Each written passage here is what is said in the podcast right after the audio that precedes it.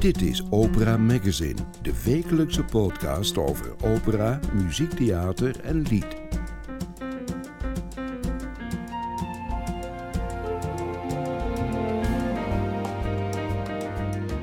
In deze aflevering van Opera Magazine hoort u Irene Verburg en de nationale koren in de uitvoeringen van Dido en Aeneas van Henry Purcell in onder meer Tivoli Vredenburg in Utrecht, de première van Upload van Michel van der A bij de Nationale Opera en een lied uit de cyclus Songs of Travel and Farewell.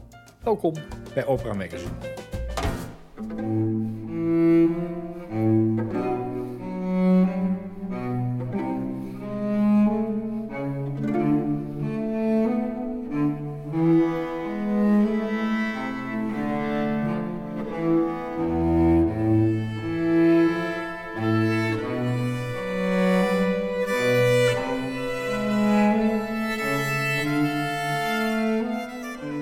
Dido and Aeneas van Henry Purcell wordt binnenkort uitgevoerd door solisten die allemaal iets met de nationale koren te maken hebben.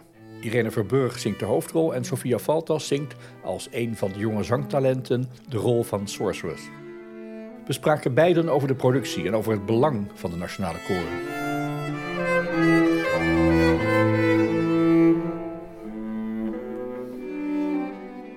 Over Dido en Aeneas van Henry Purcell. Binnenkort in Zutphen, in Veren en in Utrecht is heel veel te vertellen. Irene Verburg. Maar laten we beginnen bij jou. Jij bent sopraan, opgeleid in Den Haag en New York.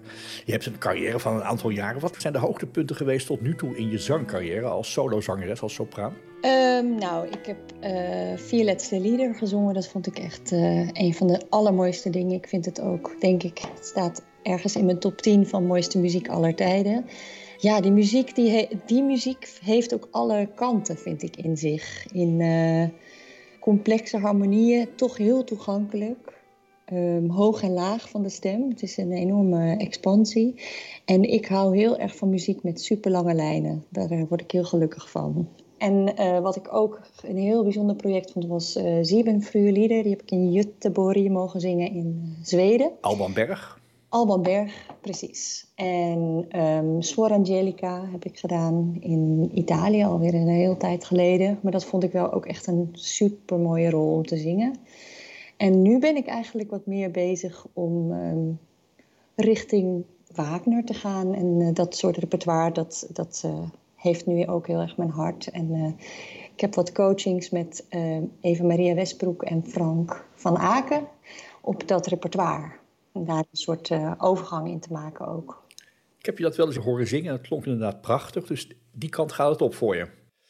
Nou ben je in die tijd dat je opgeleid bent, hè, Den Haag, je kreeg een beurs voor New York. En in je cv staan een aantal namen van mensen met wie je hebt samengewerkt of die jou gecoacht hebben. Margreet Honig, Meinhard Kraag, Ira Sif, uh, Anna Sims. Uh, je hebt masterclasses gedaan bij Owen Gage, uh, Siegfried Jeruzalem, Christina Deudekom zelfs.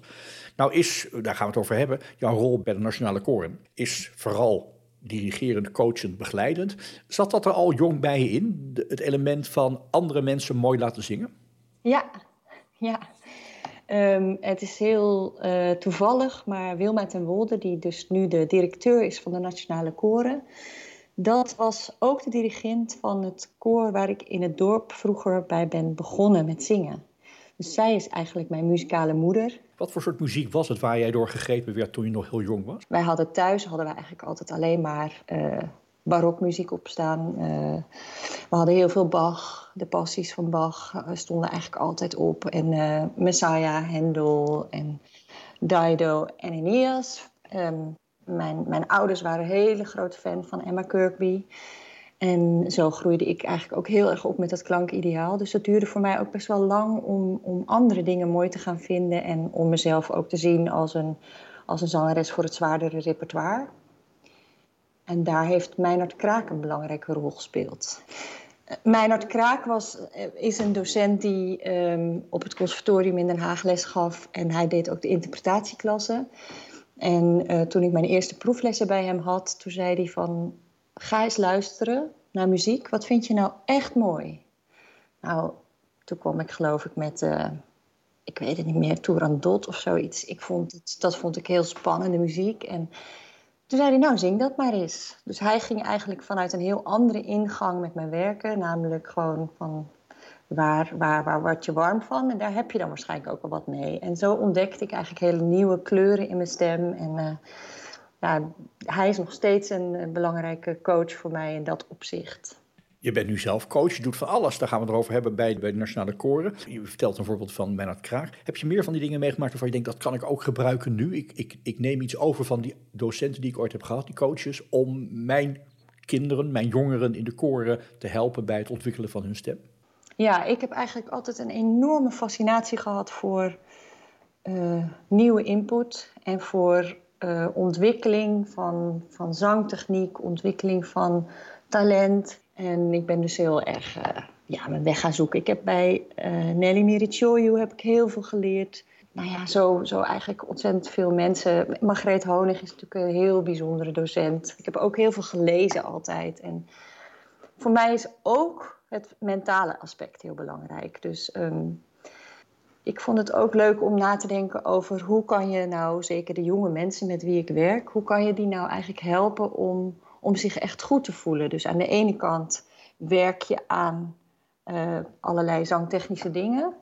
Maar het mag nooit op een punt komen dat iemand denkt: oh, maar ik kan dat niet. Of uh, daar eigenlijk dat als een soort belasting gaat ervaren. Nou, ben je heel uh, dicht betrokken bij de Nationale Koren. Die naam moeten we even noemen. Vanuit eind jaren tachtig opgericht. En inmiddels zijn die heel vaak te vinden in de programmaboekjes van de NTR Zaterdagmatinee, uh, bij de Nationale Opera. Er zijn er vier, laat ik ze even noemen. Het Nationaal Kinderkoor, het Nationaal Jongenskoor, het Nationaal Vrouwenjeugdkoor en het Nationaal Gemengd Jeugdkoor. Beginnend bij 11 tot 15 en de ouderen van 16 tot 29. Dat is een belangrijke organisatie volgens mij voor het ontwikkelen van talent. Ja, en sterker nog, we beginnen al vanaf uh, zes jaar uh, met de jongste talenten in de talentenklasse. En die worden geleid door Anouk Vinders. Die is een, uh, echt een geweldige specialist voor, voor jonge, jonge zangkinderen. Eh, zij werkt dus ehm, zowel aan muzikale vaardigheden als aan zangvaardigheden. Maar eigenlijk altijd op een, op een, hele, ja, op een hele mooie spelende goh, hoe zeg je dat? Met, met spel en dans. Ah. Wat doe jij bij de Nationale Koren? Wat zijn jouw taken en rollen? Um, ja, best wel veel. ik ben uh, eigenlijk al lang als vocal coach uh, betrokken. Um, en dat wil zeggen dat ik zowel met de groepen als geheel werk, um, als met individuele zangers. En dat is dan soms omdat zangers bepaalde technische obstakels hebben waardoor ze niet lekker zingen. En soms is het zo omdat iemand eigenlijk een speciaal zangtalent heeft waarvan we denken, ja, die willen we eigenlijk iets extra voeden zodat hij ook uh, als solist kan optreden. Uh, daarnaast ben ik op een gegeven moment ben ik ook gaan dirigeren. Dat is eigenlijk een beetje toevallig ontstaan. Ik, ik stond als vocal coach, stond ik af en toe voor de groep, een beetje te zwaaien, noem ik dat maar. en, maar heel erg altijd vanuit mijn zingen gedacht. En op een gegeven moment zeiden mensen tegen mij, maar het koor klinkt heel mooi als jij ervoor staat. En wil je dat niet eens echt gaan, verder gaan ontwikkelen? En uh, Wilma was daar ook heel erg voor. En zo ben ik eigenlijk in dat dirigeervak gerold. En uh, ja, dat vind ik eigenlijk toch ook wel een heel mooi ding om te kunnen doen en te kunnen combineren. En om ook de artistieke uh, lijn te bepalen voor een groep. Aha. Wat is jouw stijl van dirigeren? Wat voor manier gebruik jij om die kinderen, jongeren, moet ik zeggen, mee te krijgen? Ik ben um, iemand die heel erg denkt vanuit uh, de vocale lijn. Dus mijn gebaar is eigenlijk altijd heel erg verbonden met mijn adem. En dat voel ik ook heel erg. Dat ik uh, uh, daarmee als, als het ware ook een lijn heb met hun adem. En zo ontstaat ook de gelijkheid. Dus ik ben niet iemand die hele precieze ritmische momenten aangeeft. En toch ontstaat er gelijkheid, omdat we als het ware op één adem uh, communiceren in de muziek nou ja, als vocal coach heb ik heel veel gewerkt natuurlijk als uh, vocale voorbereider voor producties. En dat was ook heel interessant, want dan werkte je inderdaad met iemand als Elliot Gardiner, uh, of met uh, Marco Stens, of met Ivan Fischer, of met Vladimir Jurovsky. We hebben gewoon echt grote namen. En dan moesten we dan eigenlijk het, het koor zo snel mogelijk naar de smaak van de dirigent laten klinken. En soms wilden mensen een hele transparante klank. Marco Stens had het altijd over de, de, gouden, de gouden rand van de koorklank. Dat vond hij altijd heel bijzonder aan dit koor. En dat konden we eigenlijk een beetje versterken. Um, anderen wilden eigenlijk wat meer body in de klank. Of anderen wilden juist ja, eh, super transparant of super uh, gesproken.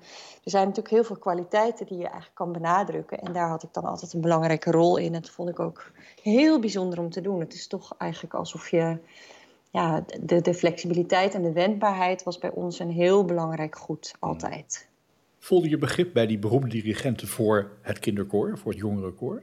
Uh, ja, het is heel wisselend. Sommige mensen, uh, bijvoorbeeld, we hebben een ontzettend gaaf project gehad met Yannick Seguin. We hebben Maler 8 gedaan in uh, Rotterdam met Rotterdam Philharmonisch Orkest. Ja, het kinderkoor heeft daar een hele grote rol in Maler 8.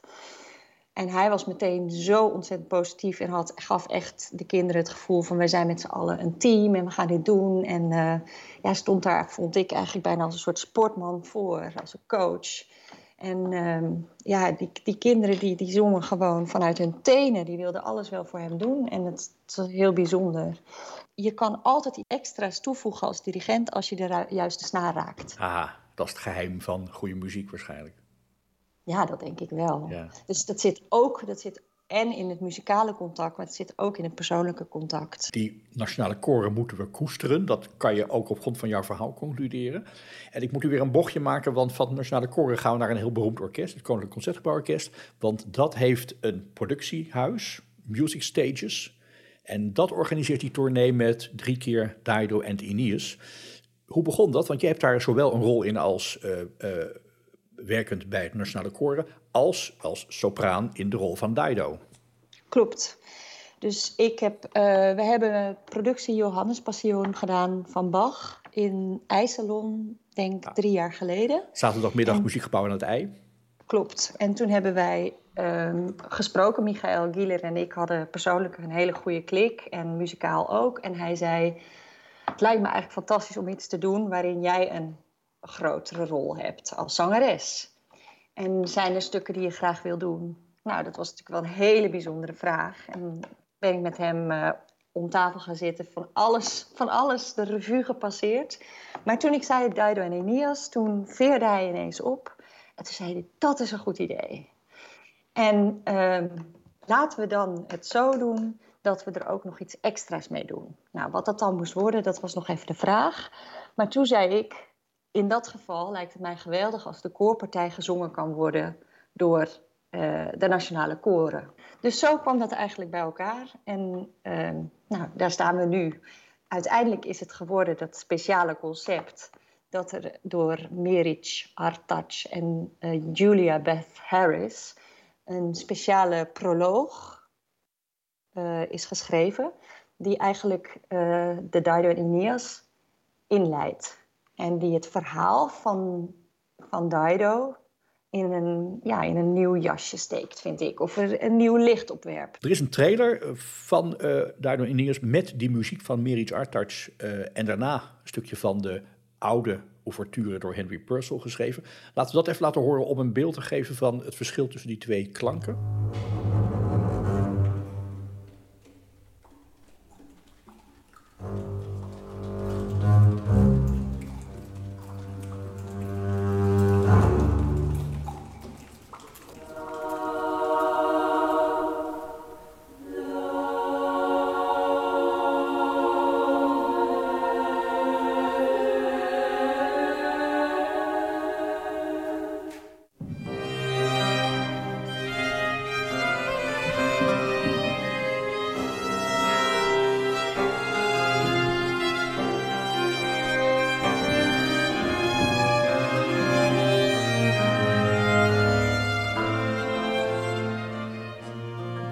Jouw Daido? Hoe typeer je jouw aanpak, jouw benadering van die rol?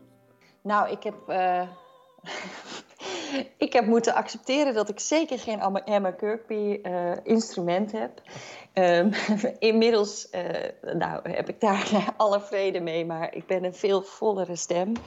Dus ik kan het niet op die manier zingen. Dat, dat was mijn vroegste droom om echt zo te klinken als zij. Um, nu heb ik hele andere idolen.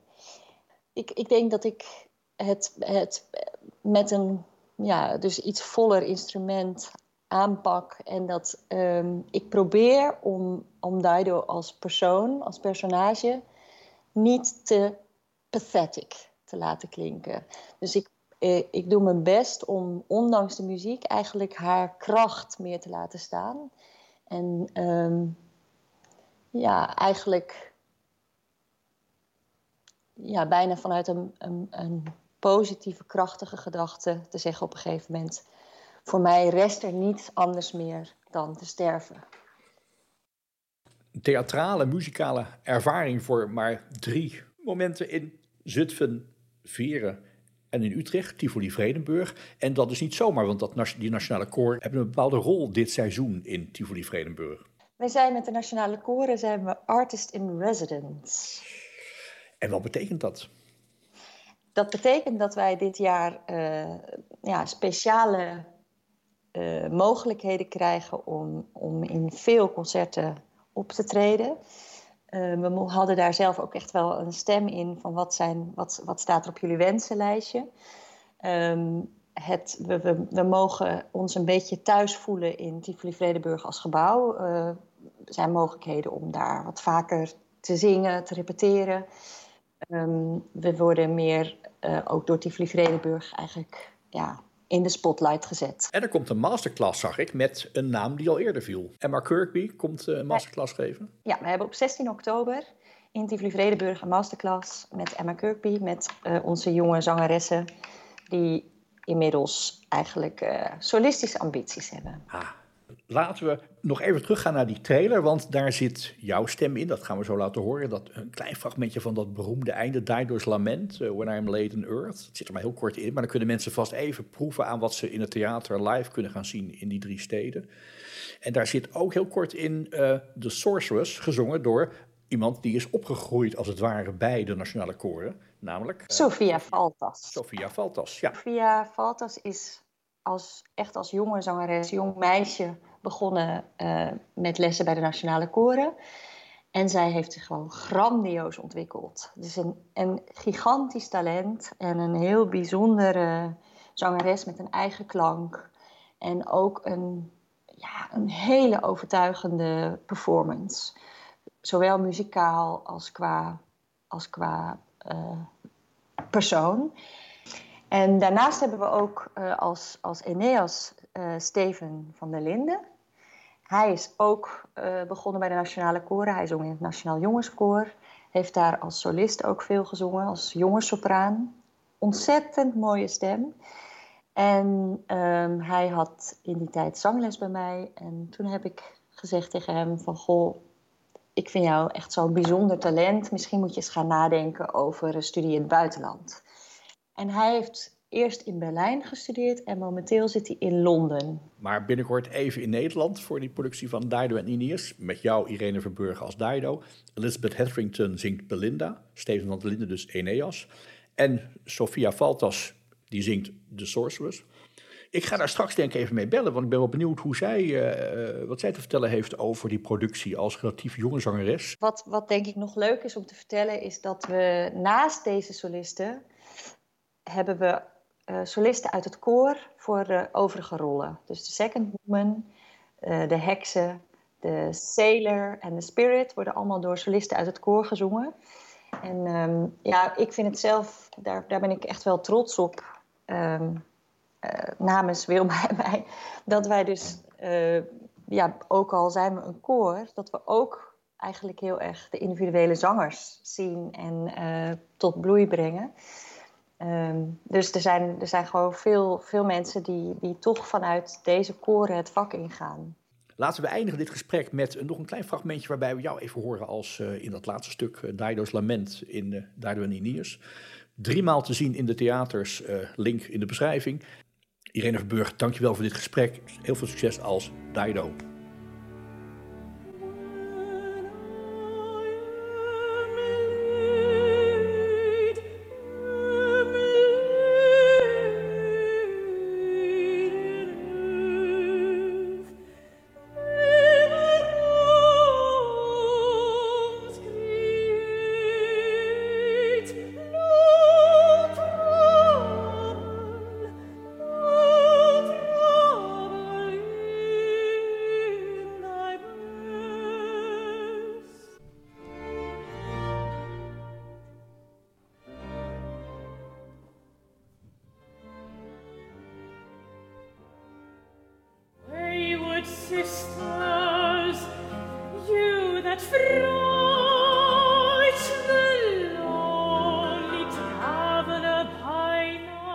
Sophia Valtas, mezzo-sopraan. Ik had het net over je met Irene Verburg, want jij bent lid van de Nationale Koren.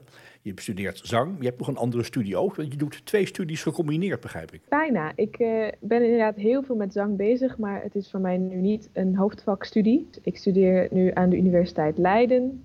Uh, ik studeer Midden-Oosten-studies. En dan dankzij een uh, fantastisch samenwerkingsprogramma wat de Universiteit Leiden heeft met het Conservatorium in Den Haag, uh, kan ik ook op die manier aan mijn zangontwikkeling werken. Inderdaad, tegelijkertijd. Die nationale koren die spelen al heel lang een rol in je leven. Want als ik goed begrepen heb, ben je vanaf je zesde al actief daar. Is dat zo? Ja, zeker. Dus het is voor mij uh, met afstand het grootste deel van mijn leven wat ik bij de nationale koren heb doorgebracht. En het is ook de fundering voor mijn hele, ja, mijn hele muzikale wereld. Kun je zeggen hoe, wat het betekent om al zo lang actief te zijn bij het Nationale Koor en wat ze voor jou gebracht hebben? Nou, voor mij is mijn, uh, heb ik daar eigenlijk kennis gemaakt met klassieke muziek al dus toen ik zes was. En het begon eerst een beetje aan de hand van wat volksliedjes hier. Ik begon wat te leren over sonisatie, over muziektheorie, over wat samenzingen nou eigenlijk inhield. En toen in uh, het Nationaal Kinderkoor Junior en het Nationaal Kinderkoor um, mocht ik voor het eerst mee gaan doen aan professionele producties. Uh, zoals ze ook nog steeds doen. Uh, met fantastische orkesten zoals het Radio Philharmonisch Orkest of het Concertgebouworkest. En uh, hele inspirerende dirigenten en koren. En dat vond ik heel erg spannend. En heel erg inspirerend om te zien dat die mensen zo, zo goed bezig waren met klassieke muziek. Dus het heeft me zeker op, in die zin heel veel gebracht. En ook een soort professionele mindset, denk ik. Was je al als zesjarige zo bereid om te leren? Want zesjarigen willen denk ik gewoon kinderen voor kinderen en K3 nazingen, maar dat is vast een voordeel. Had jij al meteen die, uh, die gevoeligheid voor klassieke muziek? Ja, ik had wel heel duidelijk in mijn hoofd dat ik niet wilde dansen. En het probleem met de andere kinderkoren was dat ze allemaal heel veel dansten.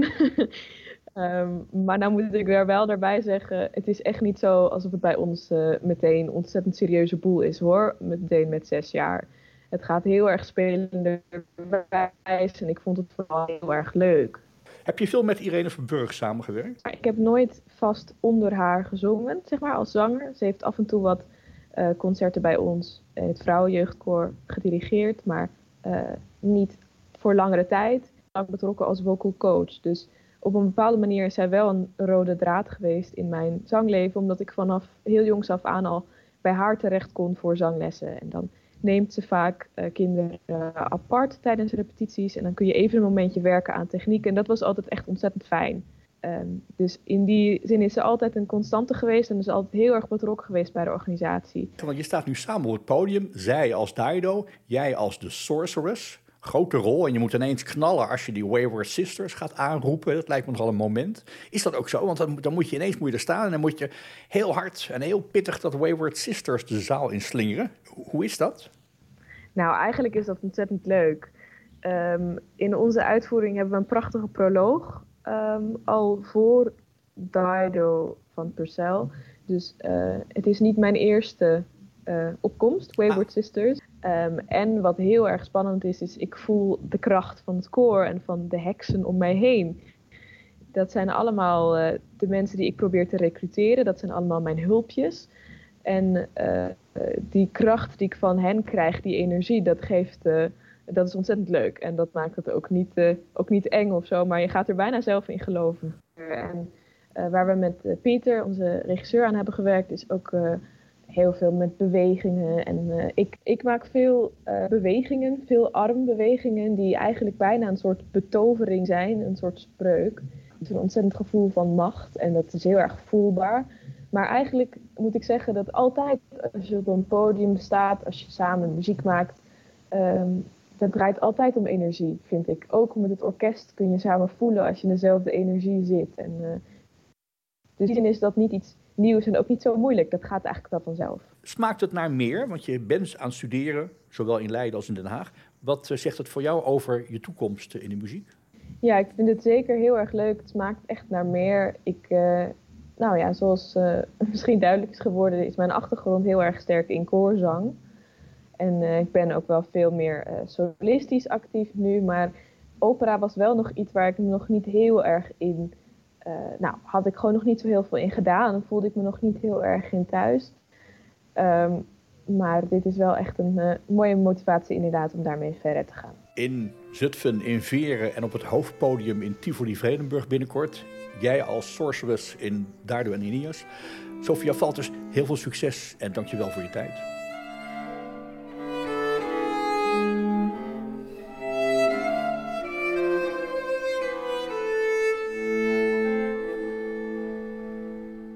U luistert naar Opera Magazine.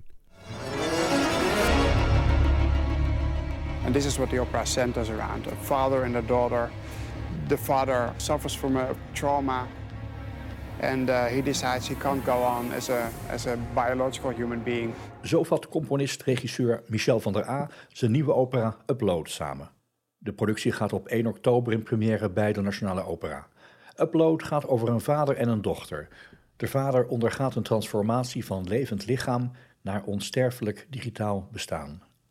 Hij uploadt zijn hersenen en laat een digitale versie van zichzelf maken, in de hoop zo gelukkiger te worden. It's about what makes us human and do we need a body to be human? My travels haven't brought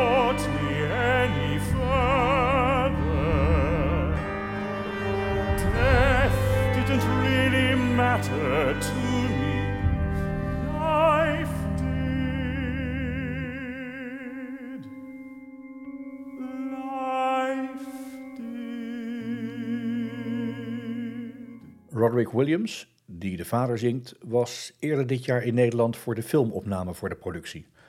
Terug in Engeland in quarantaine spraken we hem toen.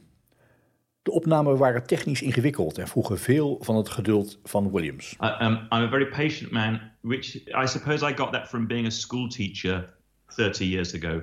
My patience has been tested only a very few number of times in my professional life and my personal life.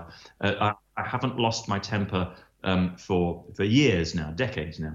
Um, so I, I think I approached everything with a with the same sense of patience and positivity. Even filming for Michelle, working on this project film, film for Michelle, particularly coping with the technical requirements of upload, has required me to be very patient because the the technical side has, has been playing catch up. You know, Michelle van der Aar has been inventing a lot of the software to make upload work. Um, so consequently, you know, Julia Bullock, my colleague in the uploads, just the two of us singers, uh, we learnt the music quite quickly and we got on with it and everything like that. And then we're just sitting there, standing there, waiting for the technology to catch up.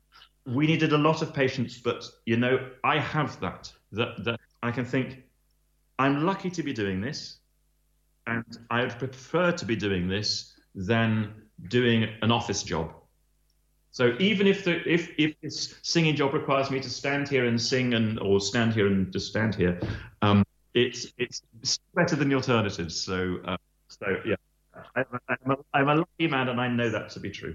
Roderick Williams, die zelf ook componeert, werkt al zo'n 15 jaar samen met Michel van der A. Um, yeah, we, we first started together in 2005 or six. We, we, we can't can't, can't remember exactly when it started, but 15 years I've known Michel and I've been involved in his pieces. I think partly as a composer myself, as you point out, I've been aware of of Michel being a genius. Frankly, I think the way he the way he can look at something and and be a composer, a film director, a stage director, a film and music editor, all these things. He has it all going on in his head. And and for me as a composer, it's interesting to try and to deliver his vision as cleanly and clearly as I can I can see it.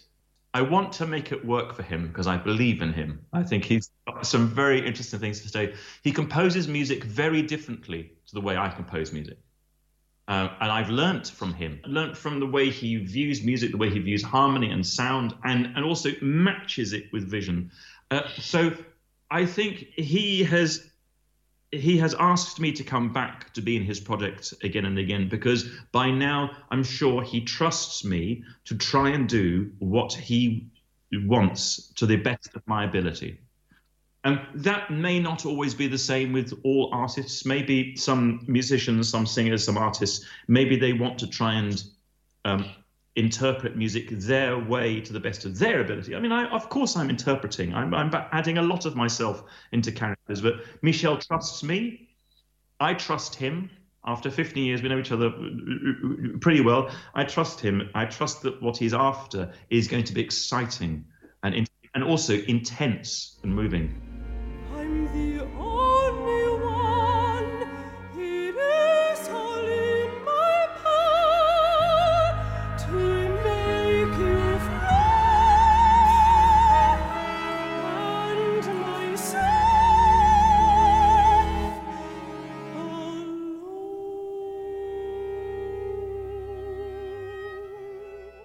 Julia Bullock en Roderick Williams zingen de vocale rollen in Upload vanaf 1 oktober in Amsterdam.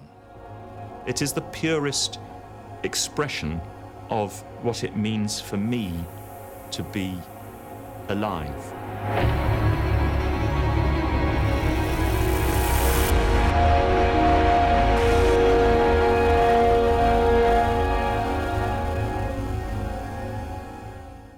Songs of Travel and Farewell is een 18-delige liedcyclus over de antiheld in ons.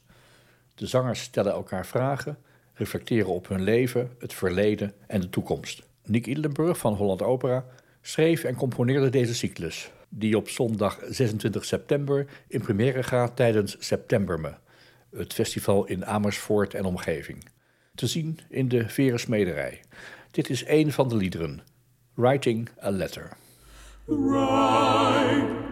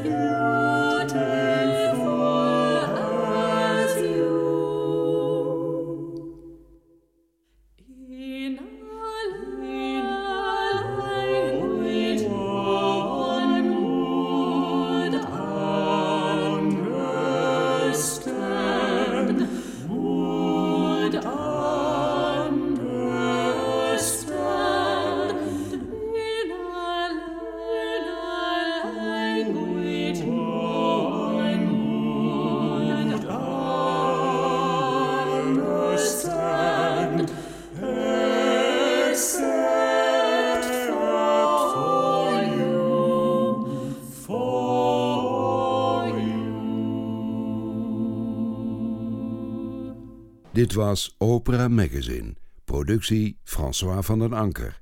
Meer informatie en de volledige opera-agenda vindt u op www.operamagazine.nl.